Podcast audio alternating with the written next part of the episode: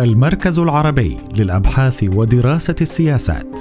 نافذتك إلى المعرفة في العلوم الاجتماعية والإنسانية. احتجاجات إيران سماتها وسياقاتها وآفاقها. تشهد إيران منذ منتصف أيلول سبتمبر 2022 موجة احتجاجات مستمرة. في إثر مقتل الشابة الإيرانية الكردية مهسا أميني 22 عاما. وذلك بعد أن اعتقلتها شرطة الأخلاق في العاصمة طهران بتهمة انتهاكها قواعد لبس الحجاب. وقد عمت الاحتجاجات على مقتلها مختلف المدن الإيرانية بما فيها العاصمة طهران. واستخدمت السلطات العنف في التعامل معها ما أسفر عن مقتل العشرات وجرح المئات في مواجهات. تاريخ من الأعمال الاحتجاجية. يمكن التقليل من فرادة هذه الاحتجاجات بالإشارة إلى أن إيران منذ الثورة الدستورية التي اندلعت في عام 1906 تشهد احتجاجات واسعة كل عشرة أعوام واستمر هذا النمط من الاحتجاجات بعد الثورة الإسلامية. حيث شهدت البلاد في عام 1988 احتجاجات واسعة على التعديلات الدستورية وفي عام 1999 احتجاجات كبيرة للحركة الطلابية ومن ثم جاءت الحركة الخضراء عام 2009 ردة فعل على ما اعتبره الإصلاحيون تزويرا للانتخابات الرئاسية التي فاز فيها المحافظ أحمد نجاد بولاية رئاسية ثانية وقد تحول بعض هذه الاحتجاجات إلى ثورة غيرت وجه إيران. لكن وتيرة الاحتجاجات بدأت تأخذ في السنوات الأخيرة منحى أشد تسارعا إذ باتت تتكرر سنويا وأحيانا تتعدد في السنة الواحدة. ومن أبرز الاحتجاجات التي شهدتها إيران في السنوات الأخيرة احتجاجات كانون الأول ديسمبر 2017 واحتجاجات تشرين الثاني نوفمبر 2019 وكانت الأعنف منذ سقوط نظام الشاه عام 1979 وأسفرت بحسب مصادر مختلفة عن مقتل نحو 1500 شخص وجاءت على خلفية رفع الحكومة أسعار الوقود بين 50 و 200 في المئة كما وقعت احتجاجات على مستوى مناطقي أيضا. خلال عامي 2020 و 2021 في الأقاليم الطرفية الأكثر تهميشا مثل إقليم الأهواز الذي تقطنه غالبية عربية وإقليم سيستان بلوشستان قرب الحدود مع باكستان حيث تنشط جماعات مسلحة ضد الحكومة وفي المناطق الكردية الواقعة غرب إيران وشمال غربها. وفي جميع هذه الاحتجاجات الأخيرة كانت الشعارات المرفوعة تبدأ مطلبية ولا تلبث أن تتحول إلى سياسية تدعو لإسقاط النظام وإطلاق الحريات والتركيز على أوضاع البلاد الداخلية بدلا من تبديد ثرواتها على مغامرات خارجية. وفي المقابل كانت السلطات تتبع الأساليب نفسها في مواجهتها إذ غالبا ما توصف الاحتجاجات بأنها مؤامرة مدبرة تدار وتمول من الخارج وذلك لتبرير قمعها ويجري عادة حجب خدمة الإنترنت عن مناطق الاحتجاج قبل أن تبدأ السلطات في استخدام العنف. في عملية القمع منعا لانتشار أي مقاطع فيديو أو صور تسهم في تأجيج المزيد منها. سمات الاحتجاجات الأخيرة. تتميز الاحتجاجات الأخيرة من سابقاتها بأنها تتمحور فعليا حول موضوع اجتماعي جوهره التمييز ضد المرأة كما ترتبط بموضوع تدخل السلطة الحاكمة في الحريات الفردية والخيارات الشخصية.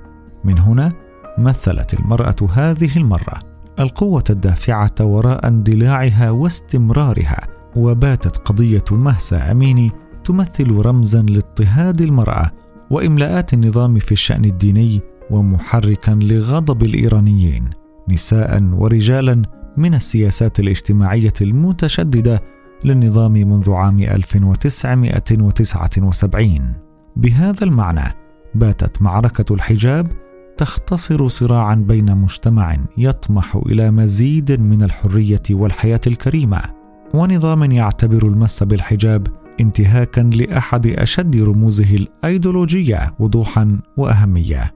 لذلك اعتبر النظام أن قيام نساء بخلع الحجاب في الأماكن العامة أو حرقه اوقص شعورهن احتجاجا على قتل مهسا أميني بمنزلة تحد لأيديولوجيا النظام. وهو أمر غير مسبوق في تاريخ الجمهورية الإسلامية. ما يفسر العنف الشديد الذي استخدم في مواجهة الاحتجاجات.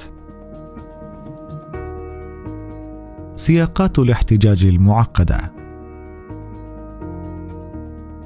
تضافرت عوامل مختلفة إلى جانب قضية أميني ساهمت في إبقاء جذوة الاحتجاج متقدة فترة أطول من أي احتجاجات سابقة مرتبطة بأوضاع اقتصادية متفاقمة وشعور جزء كبير من الشباب الإيراني الذي ولد بعد الثورة بالإغتراب والتهميش وانعدام الأفق. وتفيد إحصاءات رسمية بأن 60% من الإيرانيين ولدوا بعد عام 1979 وهم لم يعرفوا نظاما آخر غير نظام الجمهورية الإسلامية وليس لديهم أي تجربة مع نظام الشاه الذي ساهم آباؤهم وأجدادهم في إسقاطه نتيجة فساده واستبداده.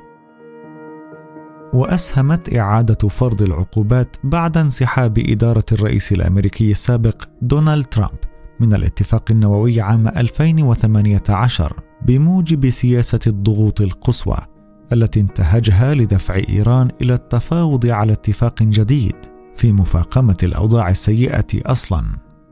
وتفيد بيانات مختلفة بأن نحو 40 مليون إيراني أي ما يعادل نصف السكان تقريبا يعيشون اليوم تحت خط الفقر في حين يعيش ما بين 10 و 16 مليون شخص في مساكن غير مسجلة كما ارتفع عدد سكان الأحياء الفقيرة سبع عشرة مرة خلال ثلاثين عاما. وقد زادت جائحة فيروس كورونا المستجد كوفيد 19 الوضع سوءا إذ شهدت إيران أعلى نسبة وفيات قياسا على عدد السكان. خارج أوروبا والأمريكيتين خلال عامي 2020 و 2021 بسبب سوء إدارة الحكومة للأزمة وترهل نظامها الصحي. وتذكر إحصاءات رسمية أن نحو 150 ألف إيراني توفوا بوباء كورونا.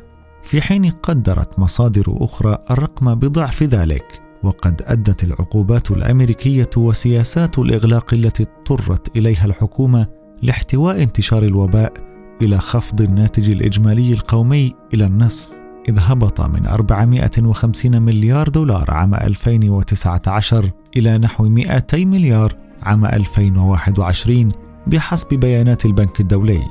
ونتيجة تعطل سلاسل الإمداد وارتفاع أسعار السلع الأساسية على المستوى العالمي بعد الحرب في أوكرانيا بلغ مستوى التضخم في إيران نحو 50% وانخفض سعر صرف العملة الوطنية إلى مستوى غير مسبوق مقابل الدولار الأمريكي.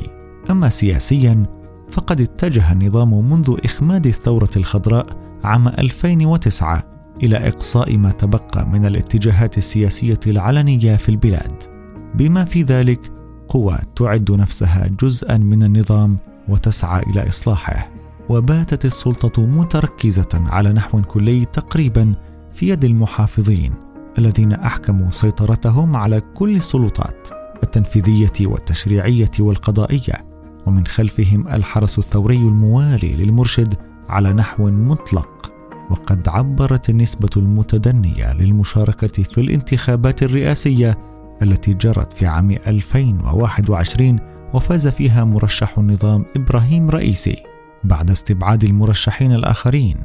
عن سيطرة الإحباط على الشعب الإيراني من إسكات كل الأصوات المختلفة. آفاق الحركة الاحتجاجية.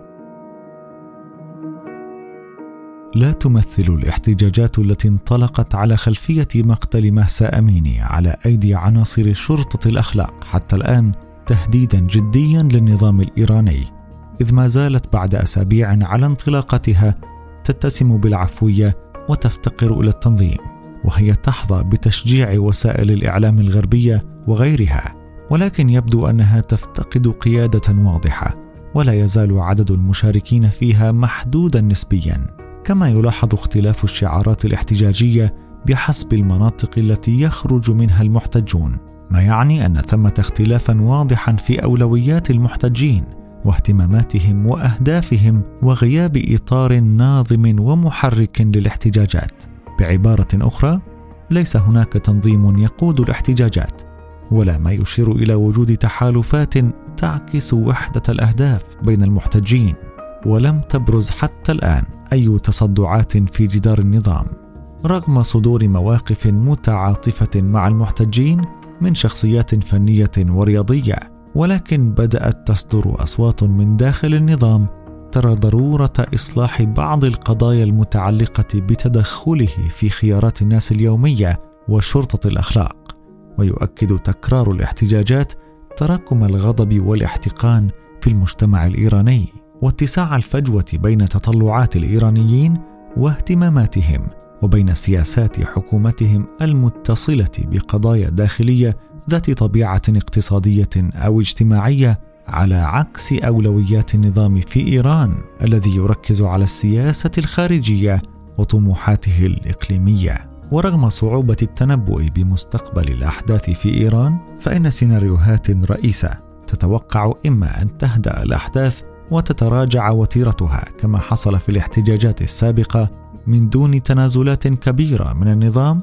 أو مع تنازلات محدودة فيما يتعلق بتقليص فرض اللباس والمظهر الخارجي وإما أن تزداد الاحتجاجات عمقا وانتشارا. ما يدفع النظام إلى استخدام مستوى أكبر من العنف في مواجهتها. على نحو قد يدخل البلاد في صراع أكبر. وإما أن تشكل الاحتجاجات جرس إنذار. يدفع النظام إلى إجراء إصلاحات تتجاوب مع تطلعات شرائح واسعة من الإيرانيين. وهذا أمر ممكن في إيران حيث توجد دولة قوية ومؤسسات راسخة قادرة على ذلك.